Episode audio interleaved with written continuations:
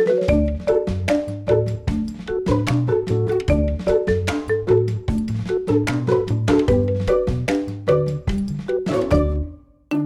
och välkommen tillbaka till Blödigt värre, podcasten om livet med blödarsjuka som görs i samarbete med CSL Bering med mig, Johanna Powers Darlington. Idag ska vi prata om hur det kan kännas när man plötsligt får ansvar för något som man inte vet något om.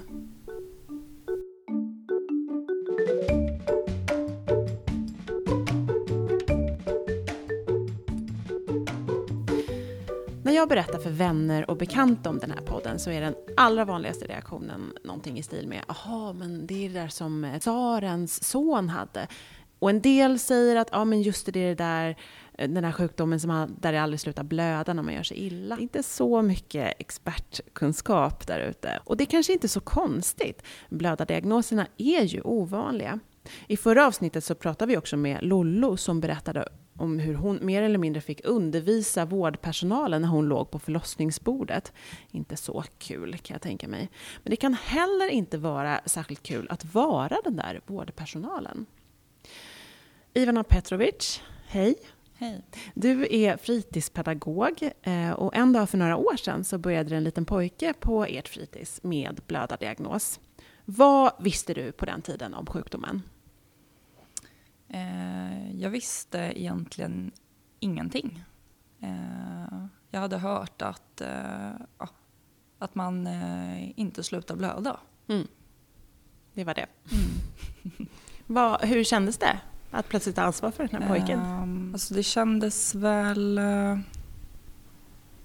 inte så, så läskigt liksom utan man, man blev väl mer nyfiken och ville ta reda på mer eftersom att man inte visste mm. uh, i princip någonting. Mm. Blev du orolig på något sätt? Nej, jag kände nog aldrig att jag blev det och jag vet inte om mycket var för att vi fick väldigt bra kontakt med föräldrarna på en gång. Ja. De var väldigt öppna eh, och liksom tydliga med att det, det är bara att ringa eh, direkt liksom, om det är någonting. Och, uh, det var ju också de som ordnade så att vi fick möjlighet att träffa eh, en sjuksköterska ja. Eh, som kunde berätta mer. Ja. Skolan hade självklart kontakt även med vår skolsköterska. Mm. Eh, som visste mer än oss men eh, fortfarande inte jättemycket. Nej. Eh, så det var genom föräldrarna som vi fick kontakt med den här eh, sjuksköterskan. Som var lite som kunde komma till oss. Ja, ja. Precis, precis. Vad fick du lära dig då av ja, men först föräldrarna mm. men sen också eh, sjuksköterskan? Eh, förutom hur medicineringen såg ut så var det väl framför allt hur, hur eh, sjukdomen, alltså hur det fungerar. Vad det är mer än att det inte slutar blöda. Eh, vad det innebär. Mm. Eh, och så fick vi ju massa material efter det också att läsa mm. eh, själva blev du, alltså ibland kan ju mycket information göra mm. att man blir ännu mer, när man inser mm. vidden av det på något mm. sätt, man blir mer orolig. Alltså jag tror att jag aldrig blev speciellt orolig. Eh, men det är klart att när man inser eh, hur allvarligt det faktiskt är eh, och vad som kan hända så blir man ju lite mer på helspänn. Man känner ju att man hela tiden måste ha ett extra öga. Liksom. Mm. Var det andra personalgrupper också på skolan som fick mm. utbildning? Ja, det var ju vi som jobbade närmst då. Och det var klassläraren, jag och sen eh, pojkens eh, elevassistent. Mm. Och så var skolsköterskan och rektor med också. Okay. Så egentligen så hade det ju nog varit bra om, om fler, framförallt på fritids eftersom att vi är fler där ja. som samarbetar eh, kring samma barn eh, så hade det nog varit bra om fler hade fått den informationen. Ja. Ja, du är kanske inte där precis varje dag hela tiden. Nej, och framförallt inte i förskoleklass är det ju lite annorlunda. Då jobbar man ju så mycket närmare. Mm. Um, men eh, sen när, eh, när de börjar i ettan och det blir större barngrupper då blir det ju också mer personal. Uh, och de som skulle jobba kring den här pojken då, de hade ju behövt få eh, den informationen. Mm. Eh, hur arbetade ni då? Mm. Eh, ja, alltså först utformades ju en handlingsplan. Exakt vad som skulle göras, eh, i vilken ordning, vem vi skulle ringa. Eh, och eh, vi gjorde också upp en plan för vem som var ansvarig i första hand, andra hand om den personen kanske var sjuk. Mm. Eh, så man fick ju göra upp liksom en, en plan för, för allting. Så att det inte skulle bli några frågetecken om någon skulle vara borta eller när det väl eh, hände någonting. Mm. Och sen så var vi ju väldigt noggranna med att verkligen följa eh, den här planen, att följa jag var väldigt nära pojken i början. Sen liksom när åren gick så släppte vi ju lite mer hela tiden. Mm. Eh, men det var ju också för att eh, den här pojken ville ju vara som alla andra. Ja. Och han ville ju kunna göra som kompisarna gjorde, gå ensam upp från idrottshallen till klassrummet. Och, mm. eh, så att man fick ju jobba fram lösningar. Tycker du att, alltså innebar det mycket extra omtanke? Faktiskt inte så mycket liksom extra jobb eller vad man ska kalla det för. Mm. Eh, utan det handlar mer om att man måste ha ett extra öga och ha översikt. För att vi, alla som, som jobbade kring den här pojken var väl lite... Vi tyckte ju att han skulle få leka precis som alla andra klättra i klätterställningen. Det, ibland kunde man ju stå nere och titta på och liksom, ja men, oh, hjälp liksom. Ja. Eh, men man måste någonstans bara få, han måste ju få vara som, eh, som de andra barnen. Ja. Eh, han ville det och jag vet att föräldrarna också vill liksom att han ska få... Precis, hade ni diskuterat fram någon nivå för det här med föräldrarna? ja, sätt? alltså vi pratade väldigt mycket med föräldrarna. Eh, och det var ju samma sak där till exempel när han ville börja gå ensam från idrotten. Då hade ju vi hela tiden en, en dialog både med pojken men också med föräldrarna. Eh, så man fick ju jobba fram lösningar då bara att eh, någon som var nere i idrottshallen ringde och sa nu är han på väg upp eh, till den som var uppe. Och då vet man ju att nu kommer han strax upp. Mm. Var det någon jätte, var det någon allvarligare incident som du... Jo, alltså det är klart att det hände det kunde ju gå liksom flera veckor, ibland månader utan att det hände någonting. Men oftast var det näsblod och ibland var i och för sig det också ganska allvarligt för att det blödde väldigt mycket. Eh, och jag har varit med om att det är personal som tycker att det är läskigt. Mm. Eh, och att man liksom själv eh, får vara lite den här som Eh, men tar det ansvaret för att, ja, för att det finns personal som tycker att det är läskigt, att det är obehagligt när det, när det blir så mycket blod. Och sen som sagt eh, att han har slagit i huvudet och magen och det är ju alltid allvarligt för att där ser man ju inte. Eh, man vet inte om, om det har uppstått liksom någon skada eller så. Mm. Men då krävdes det ju att man eh, gick iväg en stund, han måste få sin medicin och har han blödet så måste han ju få i sig någonting att dricka, mm. äta, kanske vila en stund. Eh, och det hände ju att eh, han fick vara iväg från övriga barngruppen i ja, en timme ibland. Mm. Men ja, nej det har nog aldrig hänt någonting liksom jätte allvarligt. Så har det inte. Som tur är. Ja. Om det kom ny personal då? Hur gjorde ni då? Ja, eh, det var väl kanske där lite som, som man hade önskat att den här sjuksköterskan hade kunnat komma och informera igen så att det blev förstahandsinformation. Mm. Eh, för att då kom det ny personal så blev det ju att vi som hade jobbat med pojken fick förmedla den informationen. Jag hade önskat att det hade kommit från skolsköterska eller allra helst den här sjuksköterskan som var lite specialiserad. Eh, så att man får ja, förstahandsinformation. Det är alltid bättre. Eh. Vad skulle du säga att du som fritidspedagog behövde för att känna dig trygg? Jag tror att jag alltid kände mig eh, ganska trygg. Det som kunde göra att, att man inte kände sig helt trygg med det här ansvaret eh, var väl framför allt när eh, personal var borta. Eh, de som jobbade närmst. Eh, för om, om det var till exempel jag och eh, klassläraren jag kunde ju lita 100% på att hon också eh, fixade alla situationer. Ehm, och vi visste att börjar han blöda och någon behöver gå iväg, om hon går iväg med honom då, då tar jag barngruppen. Vi behövde inte prata så mycket, för vi hade liksom jobbat ihop oss. Ehm, så det var väl, om någon personal var borta främst, som man kunde känna liksom en liten eh, oro.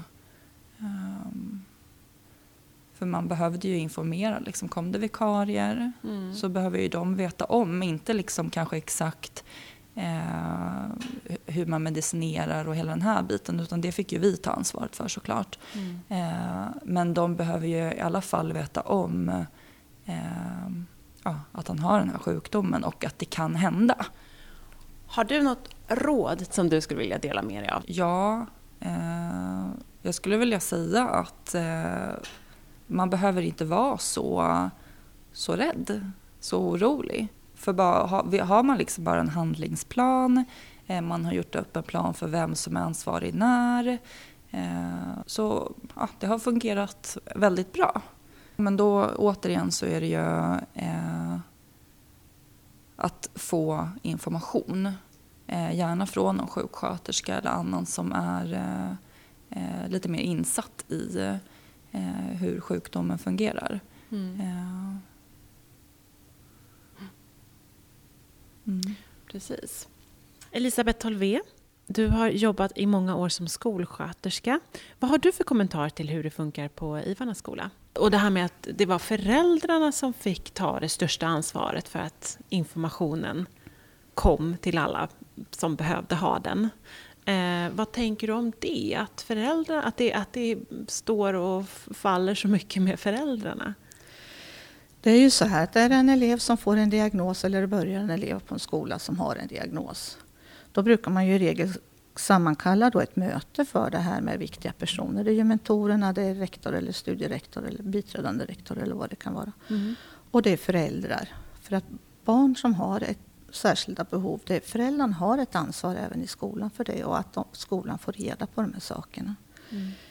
Och sen brukar man då ha med också ibland om det behövs speciallärare, skolsköterska, kurator. Det beror lite grann på. Det beror på vilket stadium man är på naturligtvis.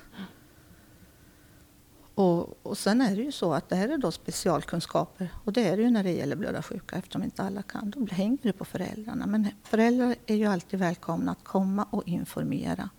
Och man kan ju ta med sig antingen personal från, från sjukvården eller att man tar det från en patientförening som finns, som i vårt fall då FPI, så att man har med någon som hjälper till mm. för att stötta och visa att det ger lite tyngd till det hela som man säger. Och börja så, men annars hänger det väldigt mycket på föräldrarna. Mm. Föräldrarna är experter på sina barn, de vet vad de klarar att göra och ja, hur de fungerar. Och det är en kunskap som man ska värna om tycker jag som är jätteviktig. Och jag tycker det är bra också därför att då har föräldrarna en helt annan möjlighet att diskutera det här med fler lärare, inte bara kanske mentor utan idrottslärare, ja, andra om man har andra lärare. För att det är viktigt att alla kan det här. Och det är inte ovanligt att man trummar ihop hela kollegiet om man har en information för att alla ska veta om det här. Men när de är ute på raster är det mindre barn som är ute på rasterna och leker och kanske det händer saker. Mm. Sen får det ju inte vara så att det blir något jättestort, att det ska basuneras ut. De här eleverna ska ju inte gå och känna sig utpekade, uttittade. Utan de ska ju behandlas som alla andra elever. Även om de ibland kan behöva viss särbehandling. Men det är ju för att de ska må bra. Mm. Jag tror det är svårt att... Det finns så oerhört många sällsynta diagnoser. Det är svårt att, att kräva att alla ska ha kunskaper om det i skolan innan man överhuvudtaget stöter på det. Mm. Det är en utopi, tror jag. Ja, precis. Det är väl dilemmat just ja, när det handlar om sällsynta diagnoser. Mm, det, det är en balansgång. Det. Eh, hur är kunskapen om det här generellt inom skolhälsovården, skulle du säga? Um, ja, den är väl ganska dålig. Nu är det väl så att jag har väl varit profet i min egen hemstad, så mm. där har jag jobbat mycket för det här. Där är det ganska stor medvetenhet om det faktiskt. Och vi började för ett antal år sedan att vara med oss då i, i monter på skolsköterskornas riksstudiedagar. Och från början var det ju liksom noll, så här, ingen visste någonting. Och det var ganska intressant därför att många började säga så här, där känner ju jag igen och så vidare. Men sen när åren gick så, jo men det här har vi hört, vi har fått, jag har fått den här broschyren och vet du, jag har skickat en elev på, på utredning. Så att man märker att det kommer mer och mer, det här kunskaperna ökar ju. Mm. Samtidigt är det ju så att det är hela tiden ett generationsskifte också. Folk går i pension och, och nya kommer. Mm. Så vi får ju inte ge upp för att det är ju inte säkert att de här som är nya har så mycket kunskaper om det som de gamla som vi har lyckats få ut vår information till. Mm. Mm. Det. det finns ju en lite speciell anledning till varför du varit en sån profet som du säger själv i din egen hemstad i alla fall kring det här. Du är mm. mamma till en blödarsjuk flicka själv. Ja, det stämmer. Jag har en dotter som fick diagnosen moderat svår från Willebrandt när hon var 8-9 år ungefär. Ja. Och det gjorde ju att man började engagera sig väldigt. Och hon, var ju, hon upplevde sig själv väldigt ensam som flicka. Och vi fick ju, när vi så småningom gick med i förbundet, och i förbundet Blödarsjuka i Sverige, så fanns det väl några flickor. Vi mötte några kvinnor. Men hon kände sig väldigt ensam. Men redan där kände jag att det är så viktigt att få ut den här informationen och budskapet att även flickor kan vara blödarsjuka. Att de mm. är det ibland, även om det är väldigt ovanligt. Och det var på den vägen jag kom in i det här och började engagera mig i det. Mm. Och tyckte det var väldigt viktigt. I förra avsnittet så pratade vi mycket om mens och eh, att det är väldigt, förmodligen väldigt många odiagnostiserade fall där, där flickor har någon typ av blödarsjukdom. Mm. Eh, vad, vilken roll har skolhälsovården tycker du? Ja, alltså Skolhälsovården erbjuder alltid hälsosamtal. Skolsköterskan erbjuder alltid hälsosamtal till alla elever. Och då tar man ju upp väldigt mycket det här med hälsotillstånd, hur man mår, hur man har det. Och ibland har man ju innan fått signaler att den här eleven har väldigt mycket frånvaro. Och är det flickor då kanske så, framförallt på gymnasiet, så, så handlar det ofta om en regelbunden frånvaro vid menstid, mm. så att säga. Mm. Och då har man ju ett ypperligt tillfälle att ta upp det här och fråga hur de har det och fråga om de har besvärligt med mens och så vidare. Men det gäller ju alltid att ha det här tänket i huvudet att det kanske är så att hon har problem med riklig mens. Och för många är det ju så här att är det då ärftligt så är det ju så att det, många gånger så, så, kanske mamma har det, mormor hade väldigt besvärligt med ens moster har det. Ja. Mm. Men man har ingenting att referera till, man har inget att jämföra med. Så därför så tror man att det, så här ska det vara. Mm. Och då är det bra att kunna börja prata om hur mycket, hur länge hur blöder du och kanske lämna ett sånt här blödningsschema så de får fylla i hur mycket de blöder. Mm.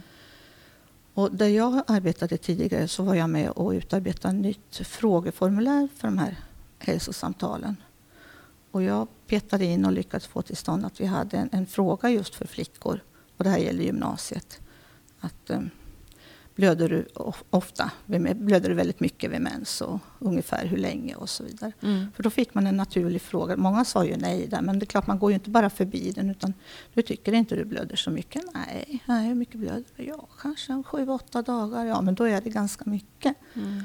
Och samtidigt så kan det vara så här att de kryssar i att de blöder väldigt mycket. Ja, hur mycket då? Ja, tre dagar.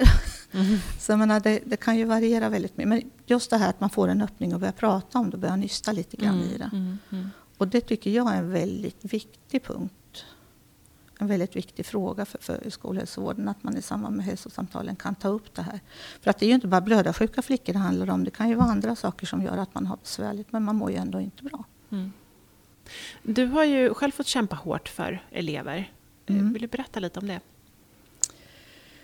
Ja, jag har väl haft framförallt en flicka som fick diagnosen ganska sent. Att hon hade en mild form av von Willebrand och hade väldigt jobbigt med det här. Dels så var det väl så att hon kände att hon fick inte riktigt stöd någonstans för hon utreddes via koagulationsmottagning. Men sen lämnades det över till hemorten och där var det ingen som ville ta i det här heller utan hon kände sig väldigt vilsen. Så jag fick ju börja med att se till att hon fick komma tillbaka till Karolinska. Sen ville hon inte gärna att man pratade om det här. Hon skämdes som så många andra gör. Hon skämdes för att hon hade en diagnos och var blödarsjuk. Det var pinsamt. Ungdomar vill ju vara som alla andra. Mm. Ja, så att hon hade ju väldigt mycket hög frånvaro och var ofta borta. Och det var ju, hon hade jättebesvärlig mens som blödde jättemycket och fick vara hemma och orkade inte. Hon var trött, fick ju dåliga blodvärden och orkade inte mm. riktigt allting. Och till slut så lyckades man jag väl motivera henne så att man fick hon berättade för sin klassföreståndare i alla fall, eller sin mentor rättare mm. sagt, som mm. det heter nu för tiden, mm. att, um, att hon faktiskt var blödarsjuk, vilket naturligtvis ifrågasattes. Mm. Så denna mentor kom ju på en gång till mig och hon säger hon är blödarsjuk, men hon är ju flicka, det kan hon väl inte mm. vara? Ja. Jo, det kan hon vara. Och så fick man berätta väldigt mycket om det. Ja, men hon är ju borta så mycket, det kan hon väl inte vara? Jo, har hon jättebesvärlig mens och jättejobbigt så är hon borta från skolan, för hon orkar inte med. Och det här kom tillbaka. Ja, det sjönk väl in en stund och sen så glömdes det här bort på något vis och så ifrågasattes hon igen. Så att här gällde det att förklara och förklara och förklara och det gällde att stötta flickan också väldigt mycket. Och det här fixar du och vi tar det här och jag tar det här och jag pratar med lärarna igen och så vidare. Vad tänker du om att det är så låg kunskap ute på skolorna? Alltså det, det, har, det är ju inte förrän sista året som man överhuvudtaget börjar lyfta flickornas problematik utan det har varit en pojkarnas sjukdom hela tiden. Mm. Och då är det klart när det börjar dyka upp att flickor också kan vara blödarsjuka, då ifrågasätts det. Och ja, folk vet inte om det. Folk, vården vet ju inte heller alltid om det. De ifrågasätter ju också ibland nästan. Och det är klart att hänger inte vården med, då kan ju inte skolan, de kan ju inte vara föregångare för vården. Det ska ju vara tvärtom. Nej, precis. Att, eh. eh om man är skolsköterska då och får ett blödarsjukt barn på sin skola, har du några råd, tips? Vad ska man göra? Var ska man vända sig? För det första tycker jag det är jätteviktigt, det beror ju på barnets ålder naturligtvis, men mm. att du har en bra kontakt med föräldrarna, en bra relation med föräldrarna. Sen gäller det ju att ja, man kan ju alltid söka kunskap. Man kan ta kontakt med förbundet blödarsjuka i Sverige. Man kan ta kontakt med en av koagulationsmottagningarna som finns i Sverige. Det är ju Stockholm, Göteborg och Malmö.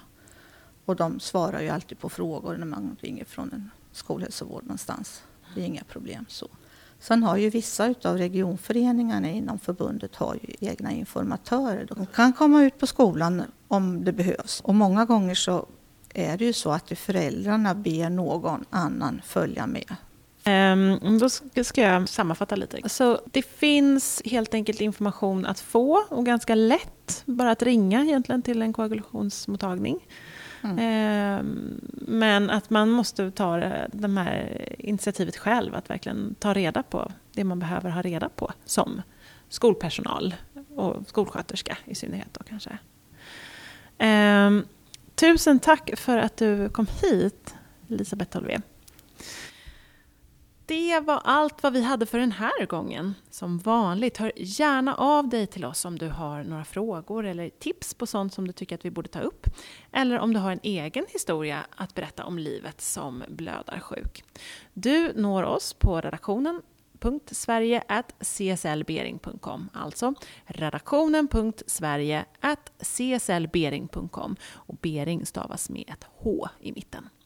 Vi vill också tacka CSL Bering som gör den här podden möjlig. Tack och hej!